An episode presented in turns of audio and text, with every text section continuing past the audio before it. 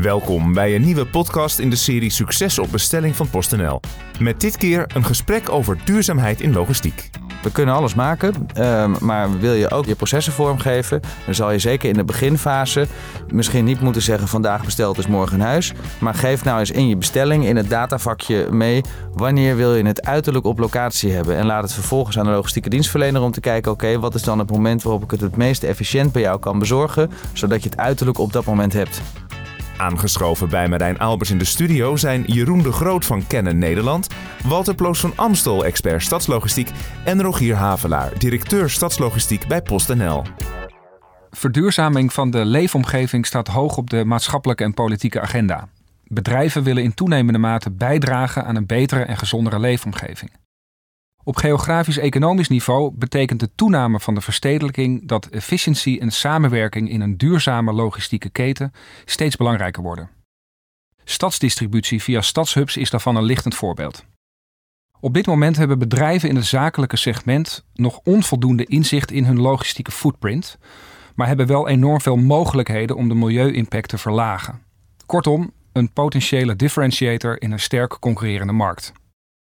In deze aflevering van de Postcast in de serie Succesvol bestelling van PostNL een gesprek over duurzaamheid in logistiek.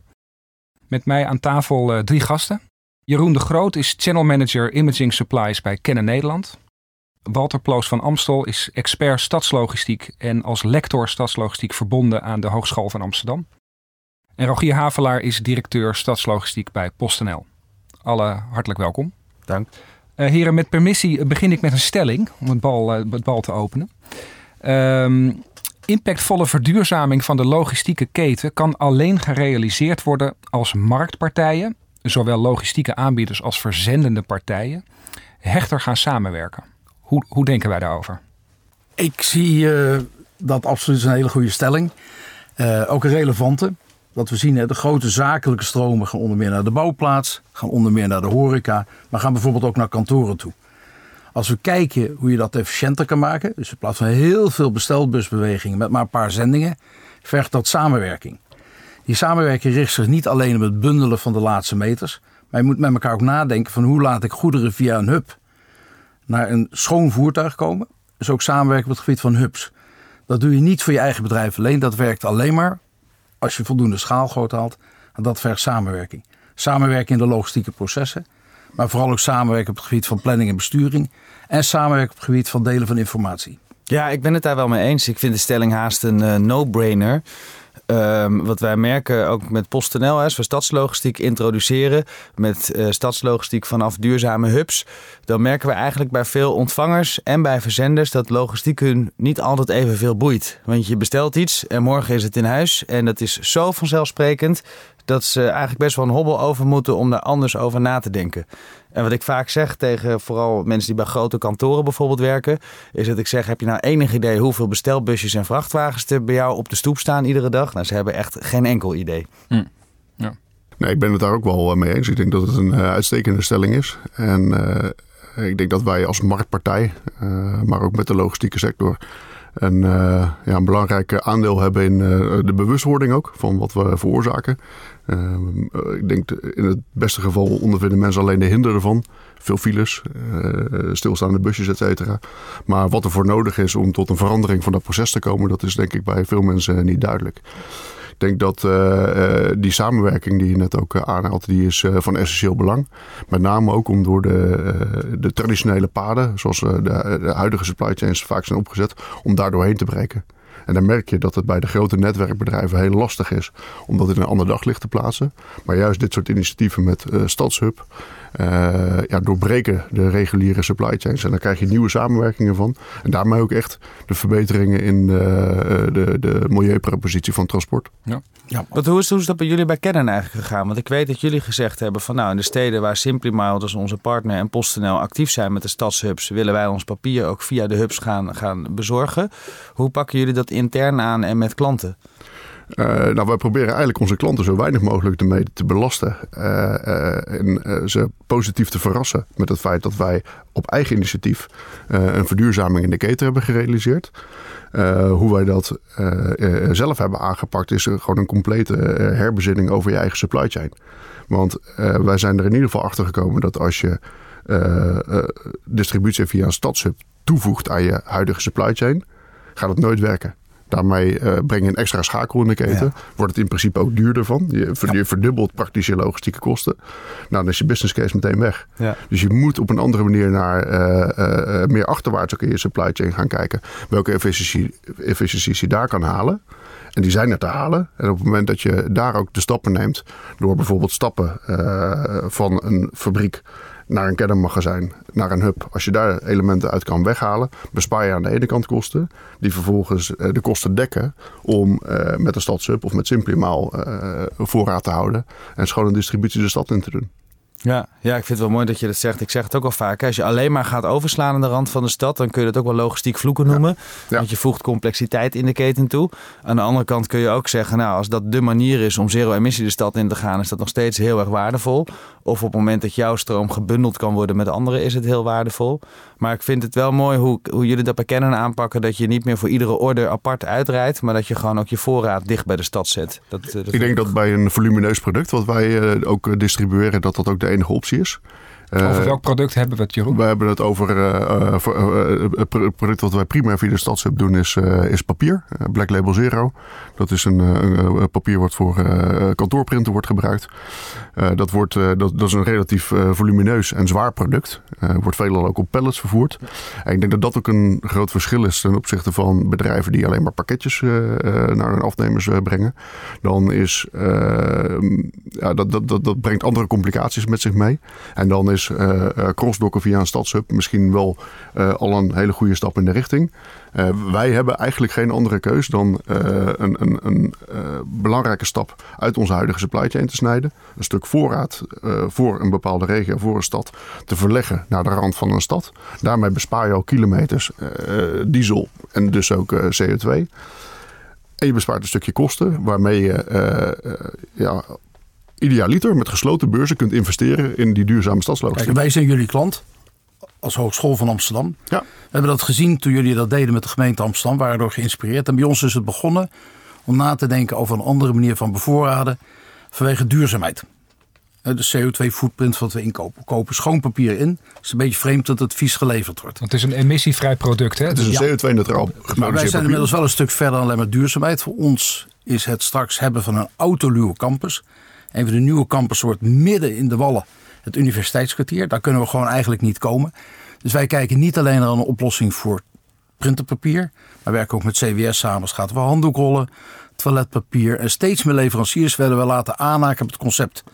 Dus het gaat al lang niet meer alleen over duurzaamheid. Het gaat ook over hoe kunnen wij onze interne klanten op 63 locaties bij de UvA en de hogeschool. Hoe kunnen we dat nou heel erg slim regelen? En er zit ook best wel een punt van discussie, want wie is de klant? Is de klant de inkoper? Die misschien heel erg blij is en die roept op. Ik heb dat met gesloten beurzen weten te realiseren. Of is die klant uiteindelijk die vele duizenden bestellers die wij hebben in de organisatie? En ik zie daar nog wel een uitdaging. Want het in één keer gebundeld afleveren op 63 locaties is geweldig. Maar uiteindelijk beoordeelt natuurlijk die operationele besteller je op basis van: is hij op tijd? Gaat het voldoende snel? Uh, krijg ik tijdig informatie? Dat vind ik best een uitdaging voor de toekomst bij die samenwerking. Nou, daar hebben we nog heel veel uit te leggen, denk ik. Uh, dit, is ook, uh, denk ik, een van onze belangrijkste uitdagingen. Om te zorgen dat we de bewustwording ook bij bestellers en gebruikers op een dusdanig niveau krijgen dat we geaccepteerd krijgen dat bundeling soms misschien ook gepaard gaat met niet meer elke dag leveren, maar om de dag of op gezette tijden. Want als we die beweging niet kunnen maken in de mindset van onze, van onze klanten, dan verandert er niet heel veel. Hoe adresseer je dat bij klanten? Hoe probeer je ze mee te nemen in die gedachten en in die, in die visie? Ik denk dat we daar nog maar aan de vooravond staan. We zijn nu vooral bezig met uh, de implementatie van de zaken die wij zelf kunnen beïnvloeden. Uh, die we vanuit onze eigen uh, duurzaamheidsfilosofie willen realiseren. En dat zoveel mogelijk, like for like, uh, doorzetten naar onze klanten. Ik denk dat de tweede fase in eh, een project als deze, is dat we het gaan optimaliseren. En de optimalisatie zit erin dat je, wat Walter ook zegt, uh, niet alleen maar meer gaat kijken naar je eigen stromen, maar dan is de samenwerking moet in een veel breder verband gekeken worden. Kijk bijvoorbeeld naar gewoon alle facilitaire goederen en de efficiencies die je door de bundeling van die productgroepen kan realiseren. Ehm, eh, die, die is dan heel erg groot. En waar het dan om gaat, is dat er een goede afstemming plaatsvindt bij alle stakeholders in een afnemende organisatie. Dat we het met elkaar eens zijn, dat het een goede richting is. En dat we ook accepteren dat de uh, levertijden waaraan men gewend is, bijvoorbeeld van altijd uh, de volgende dag, dat dat een keer in een ander perspectief kan komen te staan, omdat we daarmee onze milieuprestaties met z'n allen verbeteren. Ja, en dat is best een complex traject hoor. Want als je naar gewoon de traditionele inkopers kijkt die, die de factuur moeten betalen ja, die worden gewoon ook afgerekend op wat zijn de kosten. Wat is mijn interne klanttevredenheid, is ook een hele belangrijke. En daar merk je toch al dat inkopers zeggen... we worden super enthousiast van het duurzame... maar de prijs mag niet veranderen en het servicekader ook niet. Servicekader ook niet. En dat is wel, ook wat jij zegt... ik vind het een hele goede strategie van kennen... dat je zegt van nou, wij zeggen gewoon tegen onze ontvangers... we zijn gewisseld van logistieke dienstverlener... en voortaan brengt PostNL het met de zero-emissie vrachtwagen naar jullie toe... Maar de volgende stap, die herken ik ook wel, is voor de Hogeschool van Amsterdam wordt het heel lastig om vijf dagen in de week op 63 locaties te zijn, gebundeld en zero emissie. Dus daar moet je toch veel meer gaan kijken. Kunnen wij met volle vrachtwagens in één keer op twee of drie momenten van de week uh, spullen bezorgen? En daar is nog hoop voor te doen bij de bestellers en bij de inkopers.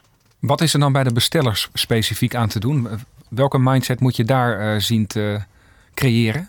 Ik denk dat bestellers moeten snappen dat op het moment dat zij op het knopje drukken nu bestellen, is het verwachtingspatroon heel erg dat het morgen in huis is.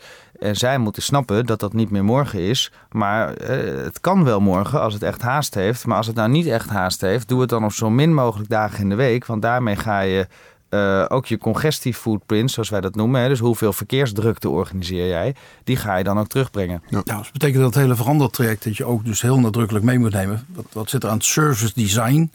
Aan informatiestromen achter. Bijvoorbeeld bij ons. Wat bedoel je met service design? Sorry. Service design is dat als je bij Booking.com een kamer boekt, is dat een heel simpel proces wat van kop tot staart goed geregeld is. En dat zou hier ook moeten zijn. Ik druk op een knop, ik wil een pak uh, printerpapier, een toner cartridge. Dan moet dat voor mij helemaal zorgeloos, papierloos lopen. Ik moet de juiste informatie krijgen.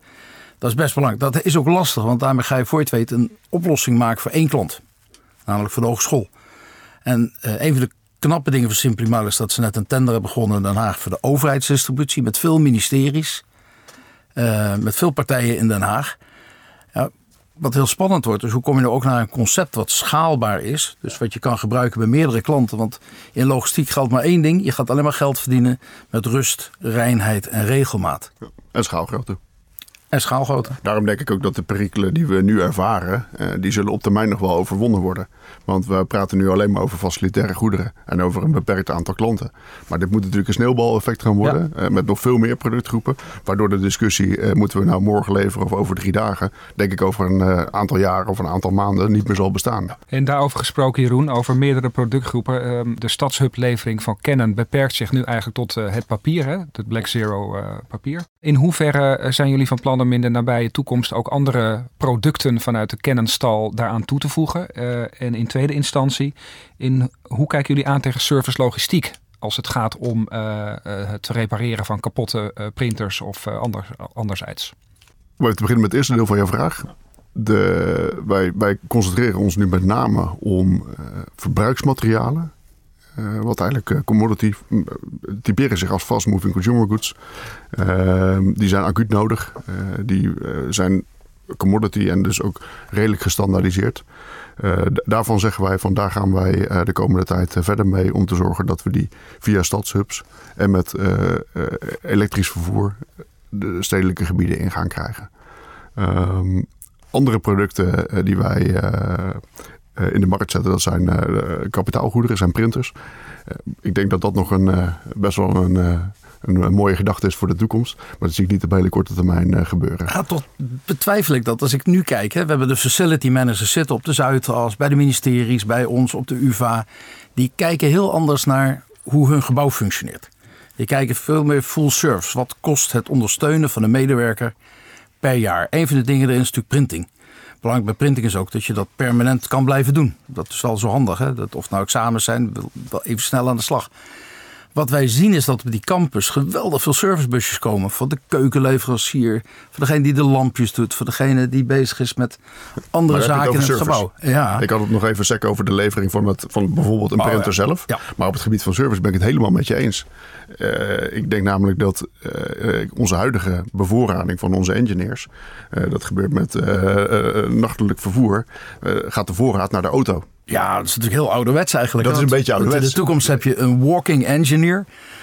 Als je in de wetenschap zit, moet je overal Engelse termen voor bedenken. Een lopende monteur. Die gaan we natuurlijk in de rug bevoorraden met een hele slimme dienstverlener die dat voor een paar euro eigenlijk binnen twee uur kan doen. Ja, dus daar, daarmee verander je, er ligt voor ons eigenlijk wel de met kans. kastenwandjes. En, eh, hè, je zegt Er tegen zijn ook wel ontwikkelingen waar we naar kijken hoor. Dus bijvoorbeeld samen met de Heijmans en Technische Unie zijn we dat nu eh, aan het onderzoeken voor de gebouwservice. Heel veel gebouwen, daar druk je op de computer op een knopje als er een lampstuk is en dan komt er een monteurtje met een lamp. Ook daar denkt niemand weer over na hoe komt die monteur naar ons pand toe. Dus daar zijn we samen met Heijmans en Technische Unie aan het kijken. Kunnen we nou het busje loskoppelen van de monteur? Wij zijn dan als PostNL het busje. Daar zitten ook eh, het printpapier van Canon in en allerlei andere productgroepen. Wij zorgen dat dat lampje op locatie is, zodat die monteur met zijn fiets of met het OV eh, zijn ronde kan doen. Dus ik vind het een hele logische ontwikkeling. Die vraagt ook wel een beetje creativiteit. Hè? Dus, dus ik merk dat het soms heel lastig is om een monteur zonder zijn busje eh, voor te stellen. Maar dat is wel de kant die we op moeten met elkaar. Maar het begint met een facility manager die zegt: Ik heb een aantal doelen rond mijn terrein. Ja, aantrekkelijk maken, eh schone omgeving. eh, klanten die aan de balie komen moeten niet tussen allerlei bezorgers staan. ja. En dat begint met het eerst eens in kaart brengen wat er allemaal naar de organisatie komt. En we dachten eerst dat doe je eenvoudig door al je inkooporders uit het systeem te halen. Maar het verbaast ons dat een groot deel van de zendingen die komen komt zonder factuur. Omdat die in een servicecontract zit of zoals bij Canon. Hè, we betalen een prijs per kopie als je dat zo moet samenvatten. Daar zit alles in, service. Dus een groot deel van de goederenstromen die naar jouw gebouw gaat, zijn onzichtbaar. Ja. Zitten verstopt in contracten met cateraars, zitten verstopt in contracten met servicediensten. Begin nou eens een keer gewoon op te tellen wat daar allemaal komt. En ga dan eens nadenken. Een hele lastige vraag daarna is altijd: wie gaat de rekening betalen? Want dat is toch. De eerste gedachte was. eh, dat gaan jullie als universiteit en hogeschool betalen. En wij riepen: Nou, wij vinden het eigenlijk een zaak voor de leveranciers. Want die kunnen dat ook straks uitrollen naar veel meer klanten in de regio.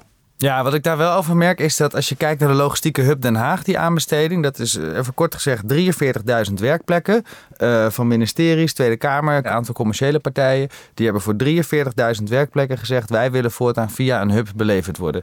Daar kwam een lijst uit met 121 eisen waar we in die aanbesteding aan moesten voldoen. En dat zat op het niveau van de chauffeurs mogen geen sigaretje roken achter het stuur. Tot en met je moet je paspoort laten zien of allerlei dingen rondom eh, ehm, eh, monitoring en rapportage. Dus een heel breed spectrum aan, aan eisen.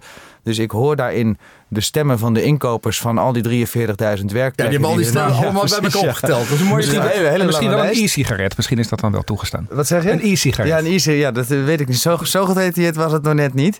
Ehm, maar dus je ziet dat het een hele brede lijst met eisen is. Maar wat zij wel gezegd hebben om het concept hub eh, te lanceren, snappen wij dat wij de eerste vijf jaar eventjes ehm, ook wat van die kosten moeten betalen. Want de kosten gaan voor de baten uit. En na die vijf jaar hopen en verwachten wij een beetje dat die hub zichzelf kan bedruipen. Zodat het inderdaad een spel wordt tussen de hubdienstverlener, in ons geval het Simplimaal PostNL combinatie, met de verzenders.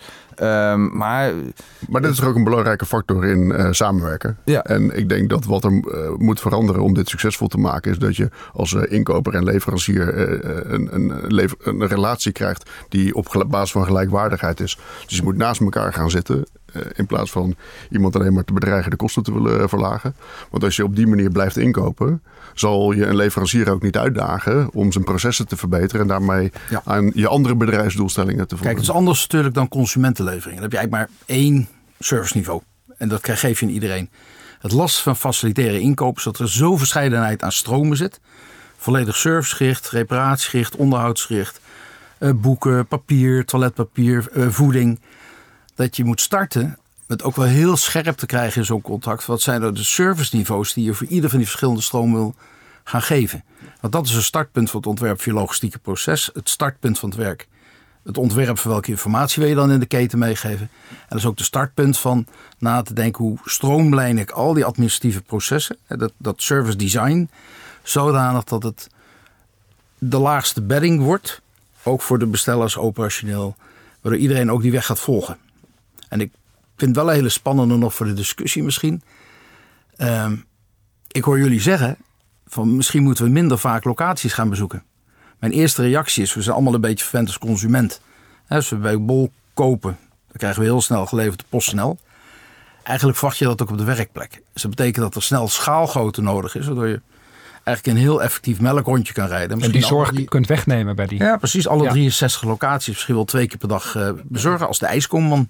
Ja, maar, drink, drink, ik ben buiten, kom je pakje verhalen. Ja, nee, dus, dus zeker alles, uh, alles kan. En uh, waar je denk ik naar moet kijken, en dat zit ook wel een beetje in wat jij zegt. Hè? Je moet zorgen voor volle vrachtwagens. Want of een volle vrachtwagen, of je nou één keer met vijf volle vrachtwagens rijdt of vijf keer met één, dat maakt niet zo heel veel uit. Dus die volle vrachtwagen of het volle bestelbusje, dat is, uh, dat is heel belangrijk. En om daar te komen moet je je wel realiseren dat iedere constraint die je op een planning legt, bijvoorbeeld ik wil het tussen 9 en 10 bezorgd hebben, dat leidt allemaal tot meer vervoersbewegingen. Dus ik, ja, we kunnen alles maken, uh, maar wil je ook met een congestiepad op uh, of het reduceren van verkeersdrukte pet op uh, je processen vormgeven. Dan zal je zeker in de beginfase misschien niet moeten zeggen vandaag besteld is morgen in huis. Maar geef nou eens in je bestelling in het datavakje mee wanneer wil je het uiterlijk op locatie hebben. En laat het vervolgens aan de logistieke dienstverlener om te kijken oké wat is dan het moment waarop ik het het meest efficiënt bij jou kan bezorgen. Zodat je het uiterlijk op dat moment hebt. Precies, maar het vraagt van de inkoper wel dat hij gaat nadenken als een soort ketenregisseur. Nou, misschien moet je het nog wel verder omdraaien. Kijk, de, de, de, deel van de complexiteit zit erin dat we nu uh, supply chain aan het veranderen zijn in bestaande contracten. Dat betekent dat aan de ene kant het heel moeilijk is om uh, KPI's los te laten. want die zijn nou eenmaal afgesproken. Ja. Aan de andere kant willen we wel processen veranderen die daar onvermijdelijk impact op hebben. Voor nieuwe contracten zou je eigenlijk de bal veel meer bij de markt, bij de leveranciers neer moeten leggen.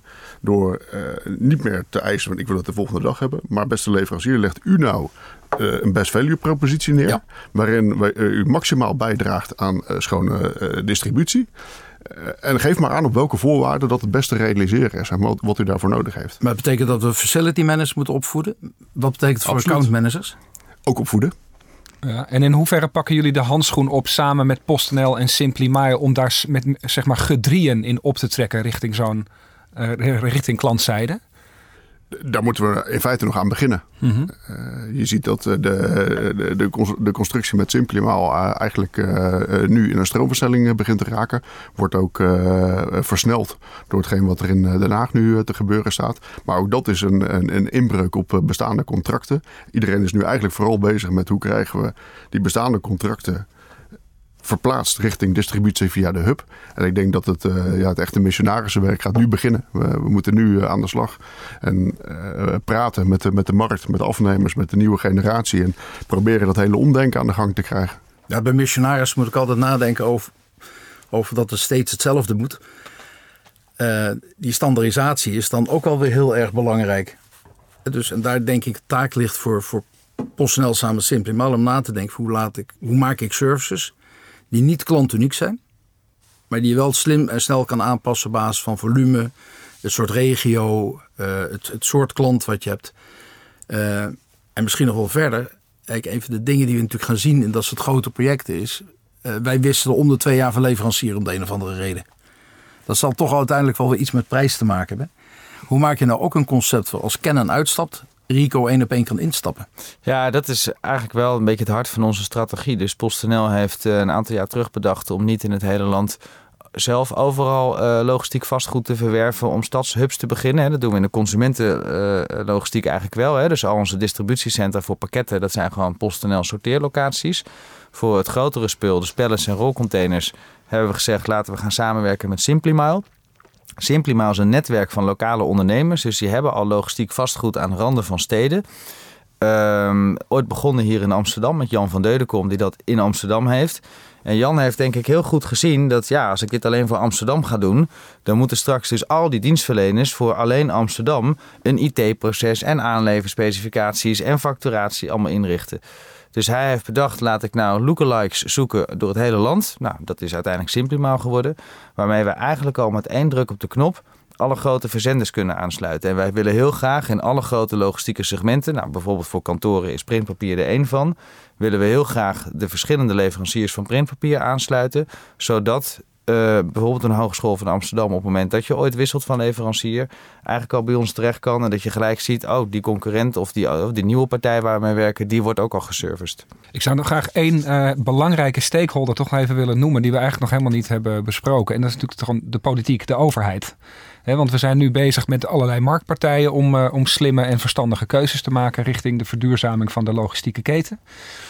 Um, ja, de overheid is onze allerlastigste partner. Nou ja, dat is, dat is, natuurlijk even de vraag. In hoeverre, uh, hoe beoordelen jullie de rol of, uh, van de overheid in dit hele traject? En wat kan daar uh, nog beter of anders? Misschien een beetje een algemene hoogovervraag, maar ik stel hem toch. Eén. We gaan iedere vier jaar opnieuw naar de stembankjes, stemhokjes. Dat leidt zeker lokaal tot hele wisselende uitkomsten over prioriteiten. We hebben nu een eh, wethouder inkoop die heel erg voor de centjes is. En voor wie duurzaamheid minder belangrijk is. Maar een wethouder verkeer roept, ik wil heel veel duurzaamheid. Dus om alleen al dat opgeleid te krijgen is heel erg lastig. Gelukkig zien we in puntje 2 dat op landelijk niveau nu heel erg goed wordt nagedacht. Het heet programma het Piano. Of hoe kunnen we nou veel duurzamer gaan inkopen. Dus ik hoop dat er wat meer richtlijnen komen landelijk. Want als we het gaan overlaten aan al die gemeenten met allemaal hun lokale belangetjes. En de ene die wil allemaal MKB'ers in de inkoop hebben. En het is ja, het zero-emissiebeleid. Wie, wie durft hardop te zeggen, we nemen nou echt voor zero-emissie gaan in de stad? Nou, er is ook niet zoiets als één beleid. Dat merk je ook. Je ziet dat de prioriteiten bij de verschillende gemeentes ook op hele verschillende niveaus liggen.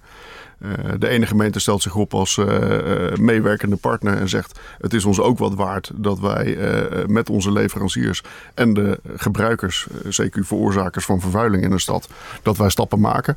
En de ander zegt: Ik zie dit vooral aan de marktpartijen en regelen jullie het maar. En, nou, het is allerbelangrijkste dat jullie met elkaar, Simplimaal, PostNL, kennen, ja. iets bedenken wat in ieder geval politiek proof is en dat niet meteen omvalt bij iedere nou ja, ik, ik, denk ja, ik ben in uh, april 2018 begonnen uh, als directeur stadslogistiek binnen PostNL. We hadden toen in het bedrijf nog een beetje de one-liner rondlopen van uh, de stad gaat op slot. Dus toen heb ik eerst maar eens bedacht van nou, wat is dat nou eigenlijk zo'n stad? Ehm, toen waren de gemeenteraadsverkiezingen. Dus we hebben voor de 40 grotere gemeentes in Nederland gekeken... wat staat er dan in zo'n coalitieakkoord over duurzame logistiek? Nou, de conclusie was toen: de stad gaat op slot, is uh, te vaag en te dramatisch. Wat we zien is dat veel steden willen wel van alles gaan stimuleren, maar hebben niet mega concrete maatregelen bedacht, op een enkeling uh, daar gelaten. Nou, we zijn nu weer iets verder en mijn conclusie is nu: de stad gaat niet op slot. Uh, dat durven die steden niet. Zero-emissiezones worden echt als postzegeltjes zo klein, wat bijna altijd al voetgangersgebieden zijn. En voor de logistiek is dat lastig, omdat op het moment dat die zero-emissiezones wat groter zouden zijn, dan komen er steeds meer partijen die gaan nadenken en die zeggen: ja, om nou voor, voor dat gebied dat wordt best een ding om daar zero-emissievervoer voor te realiseren.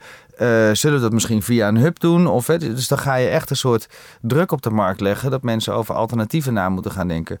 Dus ik ben het um, uh, met Walter wel eens dat de overheden best wel lastig zijn om mee samen te werken. Het is nu 2020, in 2022 zijn er weer gemeenteraadsverkiezingen. Nou, voordat al die steden hun zero-emissiezones bedacht hebben, in de inspraak gehad hebben, door de gemeenteraad heen geloodst hebben om het in 2025 te realiseren moet er uh, zogezegd nog behoorlijk wat water uh, door de rivier heen. En jullie hebben natuurlijk je klimaatdoelstellingen uh, redelijk scherp geformuleerd als PostNL. Hè? Ja.